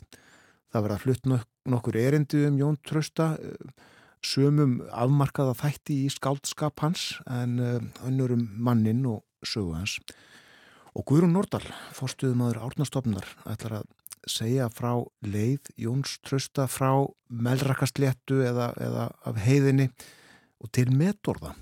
Og hún er komin hinga í þáttinn til að stikla á stóru svona fyrir þá hlustendur sem ekki komast í yðn og á sundaginu. Velkomin og góðan dag, Guðrún. Takk hella. Já, eins og ég uh, sagði í þessum ingangi þá hafa þessi fyrstu æfi ár Jóns Trausta eða Guðmundar ekki verið auðveld, þvert á móti. Nei, þetta var, þetta var grimm örlög, það var erfitt líf, þetta harðindatími líka, þarna á norður á slettu, eins og kölluð alltaf þá og hann, eins og sagðir, hann, hann, hann fæðist þarna rifið, þau farið upp á Öksafjara heiði og þar missir hann föðu sinn ungur, fer í fóstur, hann kemst aftur til móður sinnar þó þegar hún giftist aftur, þegar hann um 10 ára aldur, 10-12 ára aldur, En síðan tekur hans upp auðvitað fyrir hann í vinnumönsku, hann er bara þessari stjætt, hann fyrir beint í vinnumönsku, að hann tekur sér til og, og fyrir að leita gæfunar. Já. Og það er auðvitað þessi tími líka, mjög áhæfverðu tími með snú gaman auðvitað líka og, og, og mikilvægt að setja hann í samhengi við sinn tíma. Þetta er auðvitað tími í vesturferða, auðvitað harðinda hann á Norðanlands og mjög mikið af fólki tekur sér upp og fer, eins og til dæmi sýstir hans, Ragnæður, fer vestur. Og svo að það, varu, það var losa fólki, fólk gatt, var að hugsa hvað, hvað get ég gert, hvernig get ég komast úr þessum aðstæðum, get ég vil lifað af? Og hann hefur ákveð að, að taka sig upp og, og ganga austur á fyrði, gekk það 300 km leið sem er nú ekki auðveld þannum vor. og hann lýsir henni svona setna, þetta hann har verið alltaf erfitt ferðarlag, fer á mjó og fjörð fyrst og bara færst í vinnu líkla í sjómunnsku og ímsum tilfallandi störfum. Og þótti nú strax stolti frakkur, hann er náttúrulega bara strákur sem er að reyna að búa sér til. Og mér er stæðilega að vera svona leiðað þemað í æfinni að hann er að reyna að búa sér til. Hvernig get, hvernig, hvað, hvað get ég gert? Hvernig, get, hvernig, ég get, hvernig get ég komið mér á framfæri og, og, og bara lifað af. Og, og hann er döglegur og byrjar að yrkja vísur líka, það er nú kannski eitthvað sem líkur svona í loftinu oft þegar hjá í þessu samfélagi, þessari menningalífi á þeim tíma að hann byrjar að gera það að þannig fyrir austan. Svo það er fyrstu svona dæminum slíkt en þessi saga er auðvitað alveg ótrúlega merkileg og, hann, og öll hans saga bara frá þessum tíma þegar hann er hérna ungur og þar til hann síðan fyrir, endar í Reykjavík, það eru spænsku veikinu sem er aftur svo dramatískur end, endarlokk þessa drengs að maður eins og Haldur Lagsnes sem lasa hann alltaf ungu maður, hann kallar hann undrabarn í íslenskum bókmyndum. Hann, þetta er, undr, þetta er náttúrulega und, undravert líf að hafa náð þessum, þessum árangri getum hann sagt eða komist komið sjálfur sér að framfæri þannig að hann varðu þetta mjög vinsall rítufundur og skálsagna en, en, og líka auðvitað ljóðinans við þekkjum þau, við syngmenn draumalandið og ég vil elska mitt land. En, en þarna er hann ungur og hann hefur örglega ekki trúa því að hann eftir, eftir að geta stað á eigin fótum í Reykjavík. Vitu við hvers vegna honum dætt í huga verða rítufundur? Hvers vegna hann langaði að verða rítufundur, skrifa? sögur og hvaðið. Við vitum það kannski ekki meilins en þarna hefur verið mikinn sköpun að þrá. Hann, hann reynir uh, marga hluti. Þarna, svo fer hann til Seyðisfjörðar og kemst í kynni við Skafta Jósefsson og fyrir að læra að vera prentari og það var átt leið þessar að fátaku drengja til að komast nær bókmenningunni, bara raun og veru mentalífinu að því sem var daldi lokaður heimur, þetta var svona elitu heimur auðvitað á þeim tíma eins og nú, hvernig gæti hann brotist inn í þennan heim? Og þessi drengir gerði það oft með því að læra prent. Og hann fer að vinna þarna í prentsmiðinni, í útgáfinni hjá Skafta Jósusinni sem var mjög merkilegu maður, við munum segja frá honum, Hrafkett Lárusson mun segja frá honum á, á sunnudaginn og þessu menningarlífi sem var mjög uh, magnað hérna fyrir austan. Já. og hann er með útgáfu, hann gefur út uh, blaðið austra, þarna koma gestir sem eru uh, hátsettir og mentamenn, þarna kynnist til dæmis Guðmundur Þorvaldi Tórótsen sem reynist honum mikill velgerðumöður í lífinu og til eru brefmilli þeirra síðustu árin sem eru miklar og merkilar heimildur um svona innra líf Guðmundar. Hann var náttúrulega sá, fann sig sem mjög svona mikinn einstæðing og, og óörugur að mörguleiti þó hann væri svona út af við mjög, væri að sína svona þessa frökku örugur lið, þá var hann að berjast við sjálfan sig auðvitað, eins og við kannski gerum öll. En þarna fær hann, kemur hann undir svo svona, fær hann insýn inn í þetta þessa möguleika að, kannski verða höfundur. Hann kynist líka, líka leikhúsi þar, þeir, þeir stopna leikfélag auðvitað í bænum og svo fær hann þessa hugmynd sem við vitum ekki alveg afhverju að fara til Kaupanhafnar. Kannski hefur hann hugsað sér ég ætla að vera skáld eins og stóru skáldin og þeir fóru öll til Kaupanhafnar en hann átti náttúrulega ekki neitt. Þannig að hann fer samt til Hafnar og segir í setna að hann hafi barist í nýju til tíu tíma á dag við hungrið en, en, en það sem eftir var dagsins fyrir hugssjónum sínum. Svo hann er auðvitað að berjast áfram, þetta er aldrei eins og Gunnar Gunnarsson síðan sem fer auðvitað að fáta ykkur drengur á austfjörðum þarna til hafnar og, og, og reynir fyrir sér, þarna fyrir Guðmundur af stað og hann svona einhvern veginn nær, við vitum náttúrulega ekki alveg alltaf hvað hann gerir, Arnheðu Siguradóttir fræðikona, íslensku fræðingur hún skrifaði nokkra greinar um hann allaði sér ábygglega að skrifa æfisögu hans og hún hefur fjallat aldrei um þennan tíma í höfn. Og það er augljóst að hann hefur átt mjög erfitt uppdráttar en kemst samt í kynni auðvitað við Íslendingana. Og hann fær þarna tvo styrki sem skipta sköpum fyrir hann og Þorvaldur var sem séð og þá byrjar hann, gera hann eitt sem er mjög merkilegt að hann læri leikmyndamálun. Og fyrir að kemst inn í dagmarleikusið og fær að fylgjast með þar vinnun í dagmarleikusinu og hefur kannski allar sér að fara út í leikusið. Þannig er leiðin mín, ég get unni fyrir mér í leikusinu og það ger hann líka þegar hann kemur heim, hann kemur til Reykjavíkur og gengur í leikfélagin í 1898, það er bara árið eftir að það er stopnað og hann er umsjónamaður yðnó, fyrst, fyrst sinn þegar hann kemur og þess vegna var gaman fyrir okkur að vera einmitt í yðnó. Svo hann er eins og ég segja, hann er, hann er alltaf að reyna að hugsa hvern að endur skapa sig, að skapa sig Já. og finna sér leið, þessari sköpuna þrá, hann hefur augljóslega haft mikla sköpuna þrá. En þetta er mikil barða framann á greina. Mikil barða og er alltaf mikil barða og svo fer hann að, svo yrkir hann hvaðskap, hann fær nú misefna viðtökur hann er mjög viðkvæmur fyrir krítikinni, hann er kannski, hann hefur kannski sett svo mikið undir en hann er mjög viðkvæmur maður. Ég lasi mitt uh, dóma umsagnir um, um uh, verkans uh, úr, úr gömlum blöðum hér í gær og, og þá sögðum hann nefnt já, já, það, það er eitthvað þarna en þetta er ekki nógu gott. Já, hvað er hann að vilja på dekk? Hann, hann hefur náttúrulega ekki fengið þess að þjálfun eins og sumi fengu og, og, og hann auðvitað var að reyna fyrir sér sjálfur en hann var viðkvæm fyrir þessu og það eru örgulega þess vegna sem hann bara ákveður að hætta yrkja hljóðin sín og hvæðin nánast og skrifar þessa skáldsögu höllu, fyrsta hluta höllu eða höllu heiðabilisins sem hann gefur út 1906 undir nafninu Jón Trösti til að fela sig. Ég ætla ekki láta að halda áfram að gaggrina mig nú ætla ég aðtók hvort að verki mitt lifi án mín. Hugsaður. Og það ger, segir hann síðar, ég bara, þetta var komað ykkur um endalókum þessara tilraunar, nú ger ég þessa tilraun og þá sló hann í gegn það var nú bara þannig. Já. verður mjög vinstæl halla og svo gefur hann út fleiri bækur bara hann er mjög vinnusamur. Hann er náttúrulega vinnu fyrir sér allatíð sem prentari og líka skrifari. Hann, hann hafði aldrei efna því að hætta að vinna. Svo hann skrifur allar þessa bækur bara í hjáverkum Höllu heiðabilið sem kom út í mörgum nokkrum bindum. Uh, þarna leysing og borgir sem kom út á þessum árum. Og síðan ákveður hann að fara að skrifa sögulega skálsögur og þá byrja hann með sögur og skaftareldum sem voru líka mikla, mjög vinsælar sögur. Og ég held það er stundu verið að tala um að hann hafi hægt að vera raunstæðshöfundur að því að þessar fyrir skáldsögur voru um kannski hand tíma. Alla heiðabíli augljóslega um þetta líf sem að þekta af slettunni og, og heiðinni. Og mjög uh, bara magnaða lýsingar í þeirri bók Já. og, og personulýsingar og lýsingin á höllu maður getur hugsað sér móður hans en við vitum það auðvitað ekki.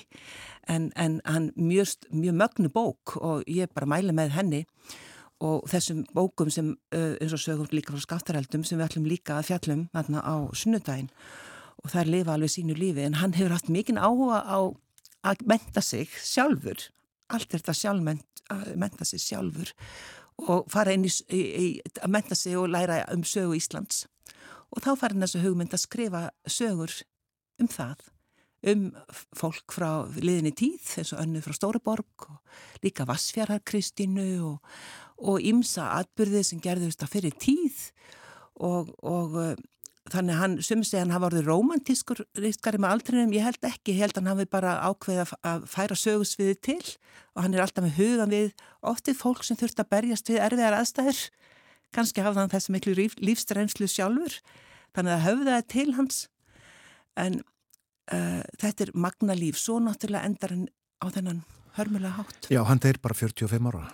Hann deyr 45 ára og í svensku veikinni og eins og aðri dói mjög snögt og voru bara hrifnir af brott. Hann hafði náttúrulega áttu í vanhils að stríða eins og margir á, á þessum tíma. Hann fekk bergla og þurfti að berja sig þá og En svo var einn ein hlýðanur sem ég finnst mjög áhugaverð og við ætlum að reyna að draga fram líka á sunnudaginn. Hann var mikið áhugaverður náttúr Íslands og óbyðirnar. Ferðaðist mikið um Ísland, skrifaði ferðalýsingar. Hann var svona einn af þessum fyrstu svona fjallgangumönnum. Hann fór upp á fjöll og, og, og horf, hann talar um það að horfa yfir landið. Alin upp á fjalli. Alin alltaf upp á fjalli og, og alin upp í, náttúrinni og Þorvaldur Tóraðsson hefur haft mikil áhrif á hann þessar, þessar lýsingar hans sem byrtu svona í andvara þegar hann er ungu strákur og hefur lesið örgla og fylgst með og svo kynnist hann honum og hann verður honum ákveðin hetja og hann, Þorvaldur er mjög merkilegu maður eins og við vitum og hann skrifast ávið Guðmund.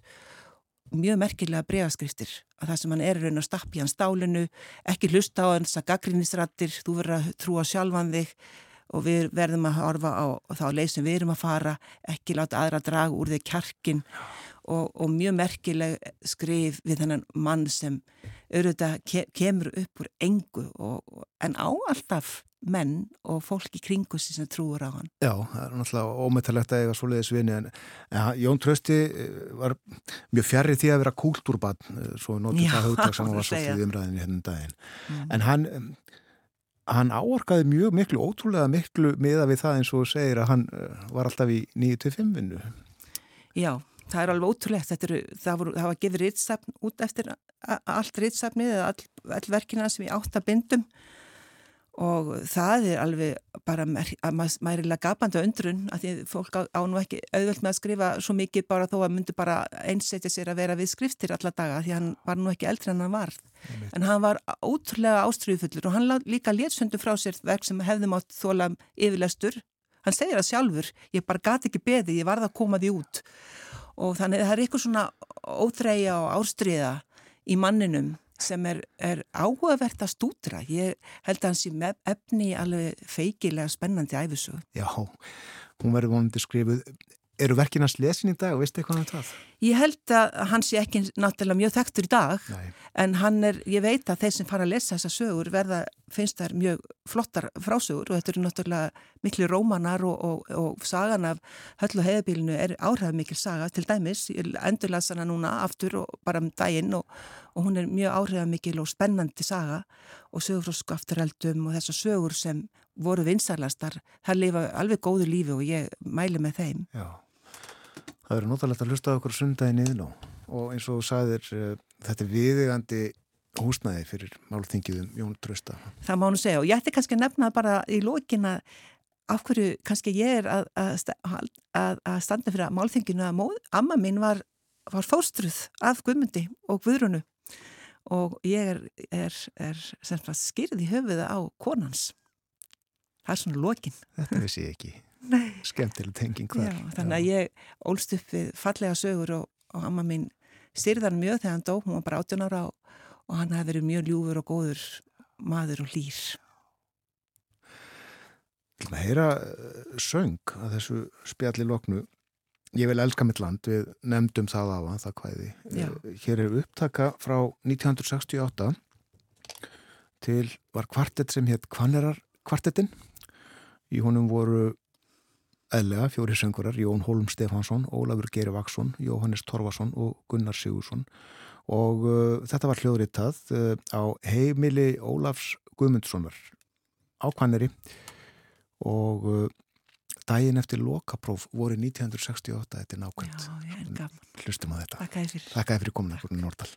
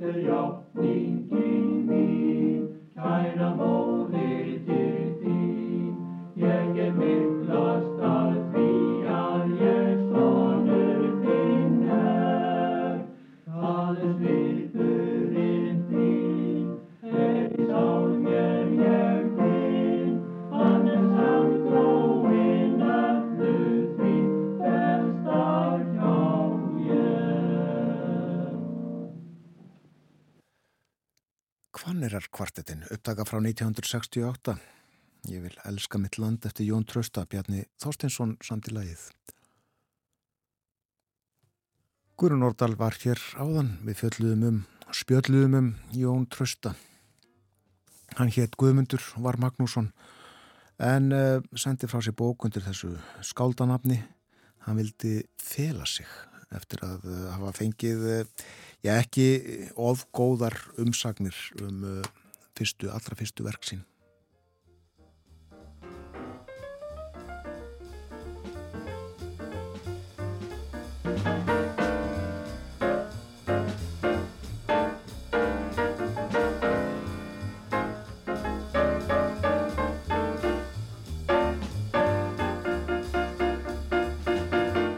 sín. Það eru talsvel læti í veðrinu í dag, uh, suðlag átt framan að degi, myndfræðin að 18 metrum og það mun regna líka. Sumstaðar þar að segja, slitað að snjókoma fram eftir degi um landi norðan og austanvert. Og það er ferð að hlína og hitin verður uh, kannski sjöstig síðdegis þar sem hlýjast verður. Og svo 18 til 25 metrar á sekundu suðvestanátt norðanlands sent í kvöld.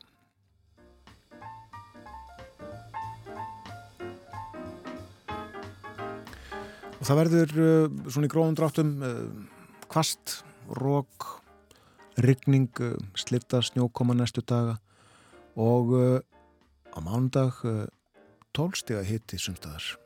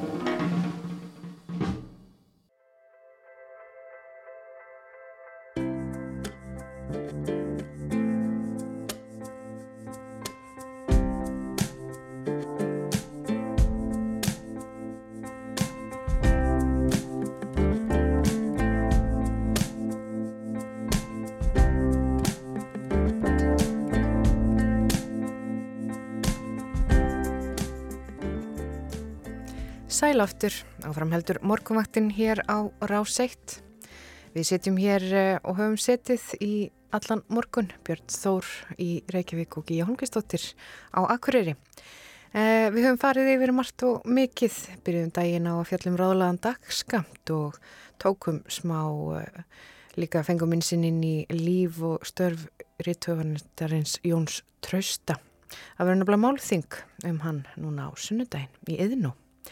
En næst ætlum við að fjalla um uh, sjónvarslausa fymtudaga sem eru núna haldnir á Dalvik Og á línunni til þess að ræða þetta skemmtilega uppátæki er eh, Björk Holm Þorsteinsdóttir, hún er fórstuð með Sabna og menningarhúsins Bergs í Dalvíku byggð. Góðan daginn Björk. Já, góðan daginn. Heyrðu í mér? Ég heyri vel í þér. Á, gott að vera. Sko, fyrst eh, aðeins um sjónvarslösa 50 daga, það eru svona tæp 40 ár síðan að þetta var nú bara veruleikin hér á Íslandi, en það er nú svona önnur öldin núna og það má kannski segja að með tilkomu allra þessara nýju miðla, samfélagsmiðla, TikTok og, og, og, og þess, eh, þá sé nú eiginlega margir í útsendingu bara allan sólringin, en, en á Dalvík ætlið að halda svona upp á þetta fyrirbæri.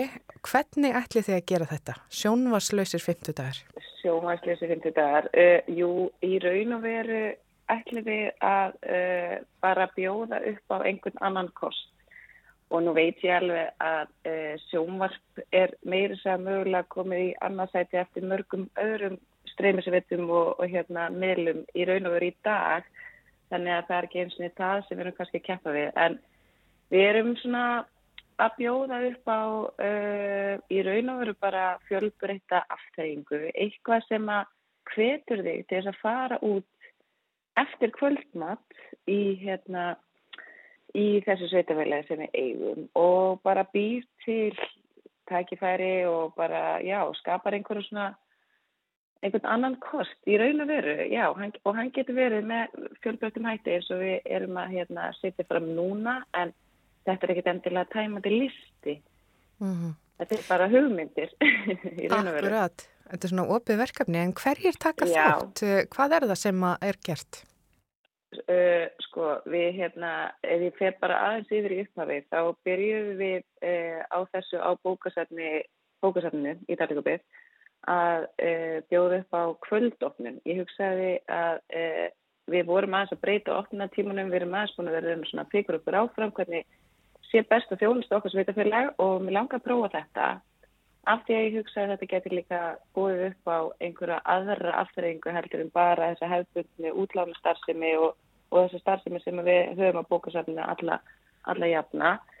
Uh, þá hefur við líka okkur á kaffehúsinu, í menningarhúsinu Bergi og svo framvegis og svo fyrir utan okkur hérna í menningarhúsinu þá er það uh, sundlegin sem svona var næst til að ho- hoppa á vagnin og hérna auðlýsir opnun, kvöldopnin til tíu Mm.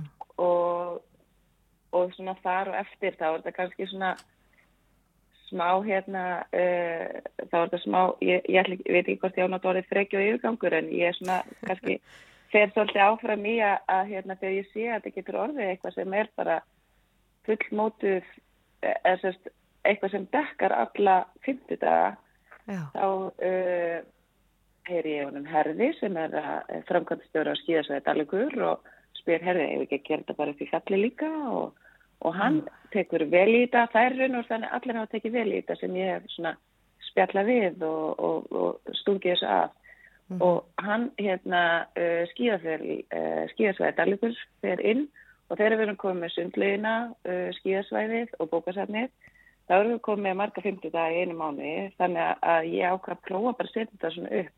Hvort við getum bara raunverulega sett þetta upp sem eh, svona hálfgerðan pakka fram í miðjan mæ og þá er raun og veru bara tveir 50 dagar sem okkur vantaði að fylla upp í.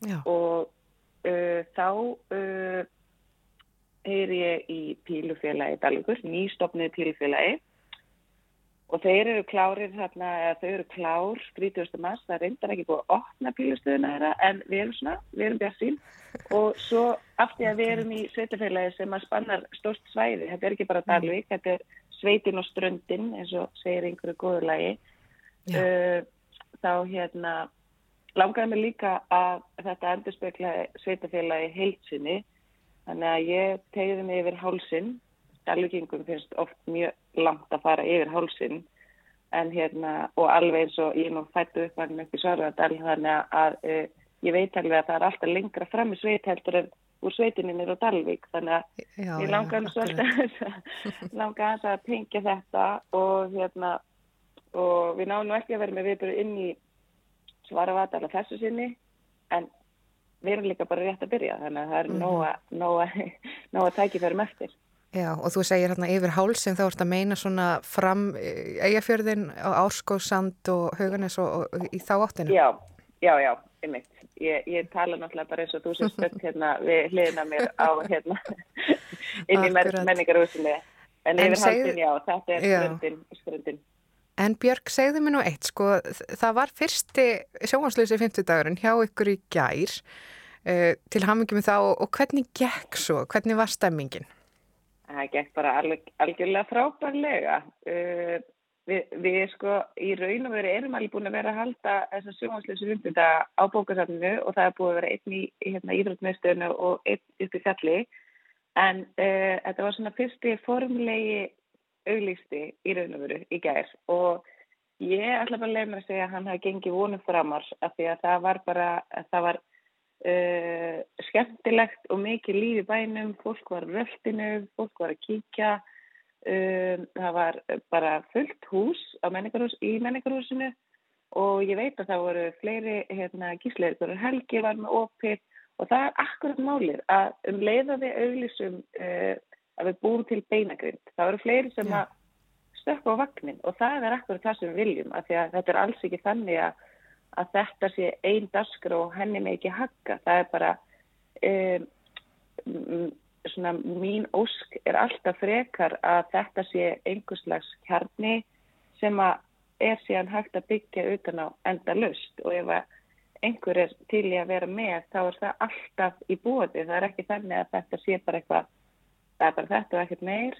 Þannig að, ég veit bara að það var mikið líf í bænum í gær og, uh, og bara almenn hangja. Þetta allt saman, allir ég lefum að segja.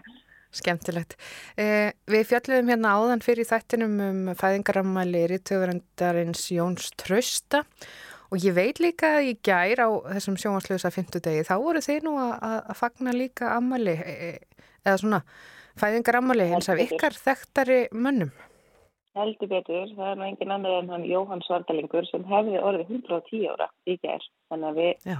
Buðum nú í ammælisveislu á kvól og hérna og hefðum eh, hans minningu og, og hans ammælisdag og heldum hann hátilega með, með kaffi og gröður í buðum öll þess að vildu. Grítinu safnið og þannig að við byrjum nú daginn á tví að hafa grítinu á kvól og fólk að tekið röldi um Dalíkubið og kíkt fyrst á uh, byggðarsafnið og farið svo yfir í menningrúsið og, og, og haldi sér áfram en það vildi. Já, margt Það var nóg, nóg um að vera í og Já. margt í bóði, já, já, já. En þessi yfirskrift, sjónvarslausir fymtudagar, auðvitað, þú sagði nú áðan að sjónvarpið væri nú komið kannski í svona annað þriðja, ég veit ekki, komið svolítið lengra aftar í rauðina en var. Um, en, en skapar þessi yfirskrift, þessi titill umræður? Er fólk að minnast þess hvernig hlutinni voru einu sinni og krakkarnir auðvitað, krakkar nú til dags vita auðvitað ekkert og bara margt fullorðið fólk, ve- sko, fattar kannski ekkert í hvað þetta vísar. Eru, skapar, skapast umræður um þetta?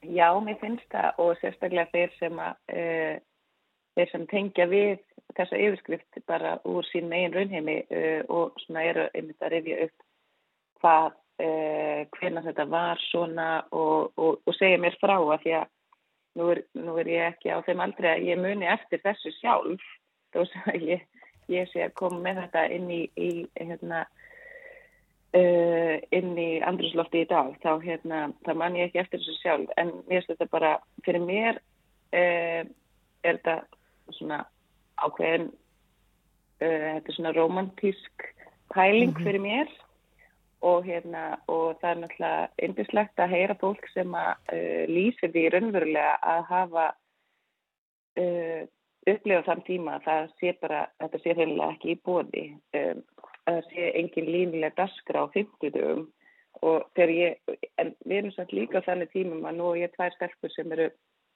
fjarar og sex ára og þær veit ekki hvað línulega daskra er. Þær hafa bara ótakmarka ótakmarkaðan aðganga efni hvernig sem er sólusengsins á meðan að ég manna eftir að alveg eins og sjómuslösi 50 dagar hafa kannski búið upp á einhver, eitthvað frí þá, þá manna sjálfur eftir helgunum þegar það var barnarni á mótnana og það var bara það eina sem var spennandi einhvern veginn að vita að það var í, í búið þannig að ég held bara að tíðarandin hafi breyst svo ótrúlega mikið og, um, og sko í Dalíkubíð þá er sko á sumrin, við ætlum ekki að hafa þessa, þess, ég ætla ekki að halda út þessi, uh, út þessum sjónvarslisum 50 dögum sem einhver svona auglistu fyrirkommalagi í sumar, af því að þá erum við bara með e, náttúruna fyrir utan okkur og fólk er alveg að nota e, rýmið á sumrin miklu betur heldur en á veturna. E, ég, get náttúrulega auðvitað bara að tala fyrir mig og af hverju ég er svona ákveða að að fara að skipta mér eitthvað af því hvernig fólk nota tíma sinn Á 50 dögum. á 50 dögum í Já, já. Dalvíkubyggð uh, mér finnst bara að uh, það er rosalega auðvelt að þetta bara inn í hérna, sína búblu uh, búblu ef ég, svo, ef, ef ég má nota það orð að, uh, á veturna því að það er bara minnum að vera það er öll þessi dimma og það er oft kuldi og það þarf oft bara, ef þú ert ekki í skipluðu félagsstarfi eða uh, íþróttstarfi, hórunum eða því, þá er ekkert mikið sem dreifðu út eftir kvöldmann uh, akkurat núna. Þess vegna langaði með að búa til uh, tilefni, Búa til einhvers konar ramma utanum svona samfélagsverkefni. En, en, en Já. hvað, segðu mér aðeins bara stuttlega núna í lokin, ef þú myndist á að það væri nýstopnað pílufélag á Dalvik. Segðu mér nú aðeins frá því. Já, nú, hérna, nú er ég nú engin sérfræðingur í pí, hvorki pílun ég þessu pílan nýstofna pílfélagi en, en hins vegar þá, hérna, þá veit ég að uh, það var bara stofna núna 8. januar ef ég mann man rétt. Það var talað um að hérna, það var sérst eitt fundur sem var hann að milli jól nýjás og, og það var gríðalegur áhugi og það eru núna í þessu félagi 40 skráður félagar sem er held ég bara, ég ætla að lefa mér að segja met með að við höfum tölu á Dalvík. Að því að sko pílufélag er ekki ennþá komið húsnæði. Við erum, búin, við erum búin að hérna, eða þeir eru að býða eftir að fá húsnæði sitt sem er núna í láni fyrir uh, True Detective tökur á Dalvík sem hefur náttúrulega held ekki allt sveitafélagi núna hérna uh, síðustu vikur og, og mánuði. Já, að auðvitað. hérna, það, það, það er nú önnu saga reyndar sem við getum eitt heilu vital í en uh, kvikmynda uh, kvikmyndatöku fólkið sem hefur verið að sinna þessu verkefni hefur verið í þessu húsnæði sem að pílufélagi á að fá. Núna er þau reyndar held ég að fara heim þannig að það lítur út fyrir að félagsmenn pílufélagsstælvíkur fái núna sitt húsnæði og og þá fara nú hlutunir að gerast hratt og þess vegna langaði þeim einmitt að hérna, uh, hafa þetta opna kvöld þannig að þau getur bæði kynnt starfsaminu sína, fólk getur komið og skoða og fengið að prófa. Og þau eru með hérna, uh, bara aðgang fyrir félagsmenn og, og, og stefna í framtíðina á barna og úlingastarf þannig að, að uh, þetta er bara virkilega spennandi verkefni að fylgjast með af því að ég held að Uh, ég held að píla sé alveg uh, vaksandi sport í bara flestum flest, á flestum stöðum á landinu núna um þessu dagana. Uh, þannig að, að ég er mjög spennt. Ég kann ekkert í pílu en ég er virkilega spennt. Að En þú ætlar að drífa þig þarna í pílu þegar það verður búið, Já, í ekki þegar að fólkið nefnilega- fer. ekki spurning, ég er ekki orðin skráður uh, félagi en uh, þess vegna sé ég svona kvöld þar sem að hérna er opið fyrir alla prófa og, og, og skoða þá, þa, þarna sé ég tækifæri. Þarna mun ég aftur með því hvort ég skráðum þessum félagi eða ekki. Glæsilegt, þannig að það er mikil uppgangur í pílu íþróttunni á Dalvik heyri. En það eru þessi sjóaslösu fymtudagar, byrjaði í gær, þetta er svona yfirskrift, fá fólk til þess að já, fara upp á sófanum og, og fara út, vera meðal fólks og hittast. já, einmitt. Akkurat, þetta er bara þetta er bara, þetta snýst alveg um það. Uh, gera eitthvað skemmtilegt og gera það saman. Og uh, í bara sveitafélagi eins og Dalíkubíð þá er það er ekkert mál að búa til eitthvað svona. Bara uh, nálæðin er svo mikil það er svo mikil og það er bara það er vilji og áhugi sveitafélaginu til þess að gera skemmtilega hluti. Það er gríðarlega jákvæmi fyrir öllum svona verkefnum. Þannig að einhver svona einhver bara lítil stelpa eins og ég getur bara ákveðið að þetta er góð hugmynd og hún bara kerir áfram og allt í hennu er hún bara að veruleika og allir hjálpa stað og taka þátt og það er bara virkilega skemmtilegt að hafa þetta frelsi. Það er oft talað um einhvern veginn að möguleikinnir uh, fari minkandi eftir sem hann fari lengur út á land eða byrði minna sveitafélagi. Ég er bara, ég er bara ekki sammálaði. Ég held að möguleikinnir stækki og, og, og verði meiri eftir því sem nálæðin er meiri og, uh, og þú ert í betri, betra sambandi við þitt sveitafélag og bara þitt nærumhverfi. Það eru bara allir með. Já, Og það er bara svona, það er, það er vonin og stemmingin að sem Já. ég hef í, fyrir þetta verkefni er bara allir, allir verið með. Það er bara í spett. Frábært, takk fyrir þetta spjall og að segja okkur frá sjómanslausum 50 dögum í Dalvík byggð. Eh, takk fyrir spjallið Björk Holm Þorstensdóttir, forstöðum að Safna og menningarúsins Bergs. Og já, gangi ykkur vel. Takk fyrir og takk fyrir að heyri mér. En eftir þetta spjall við hana Björk þá ætlum við að heyra hérna eitt lag sem er alveg hreinræktað af svæðinu.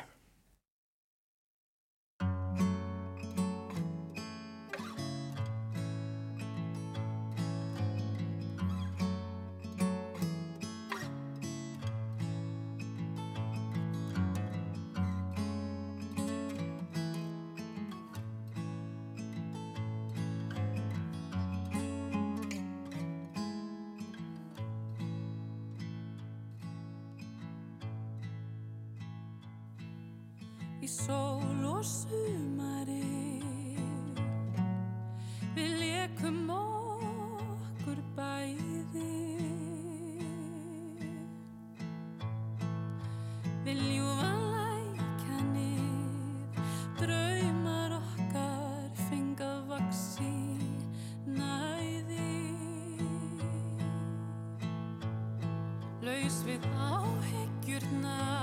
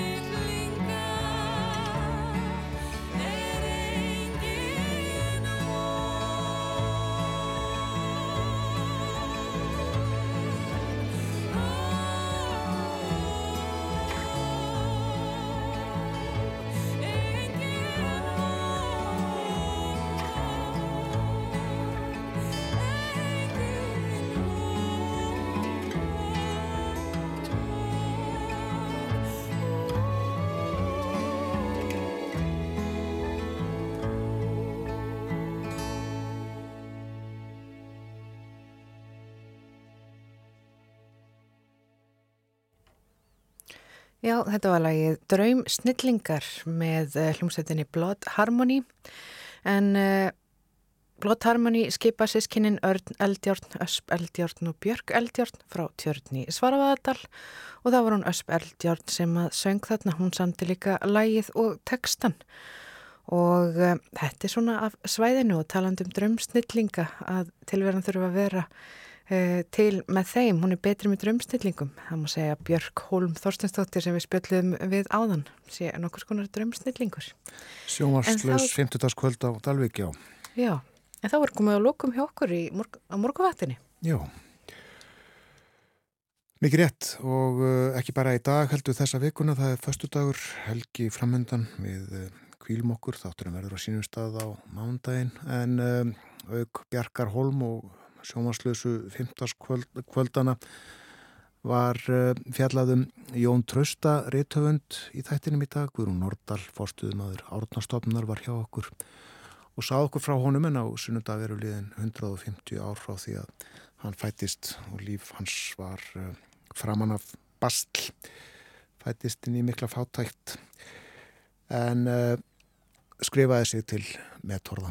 Svo var Anna Sigriður Ólastóttir með okkur snemma í morgun. Uh, það er þessi dagskráliður hjá okkur á förstu dögum með ráðlagður dagskamtur. Við töluðum meðal annars um kaffi. Tveir bollar á dag er fínt, sáðun. og fimm litlir, minnast á það líka Við þökkum samfélgina frá því snemma í morgun. uh, Vonum að þið njóti dagsins.